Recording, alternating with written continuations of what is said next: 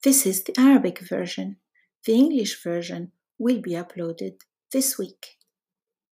عندما تعرفت على زميلي المغربي كان لديه ابن يبلغ من العمر خمس سنوات ويتحدث خمس لغات كان يتحدث الألمانية فقط مع والدته والعربية لوالده والفرنسية لعمته في المغرب والإنجليزية في المدرسة هنا في نيويورك والصربية الكرواتية لجدته في الجبل الأسود.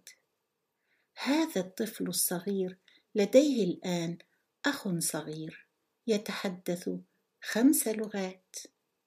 تبارك الله كل التقدير لهذه الأسرة الملهمة. If you like my podcast, you will like my books on Amazon.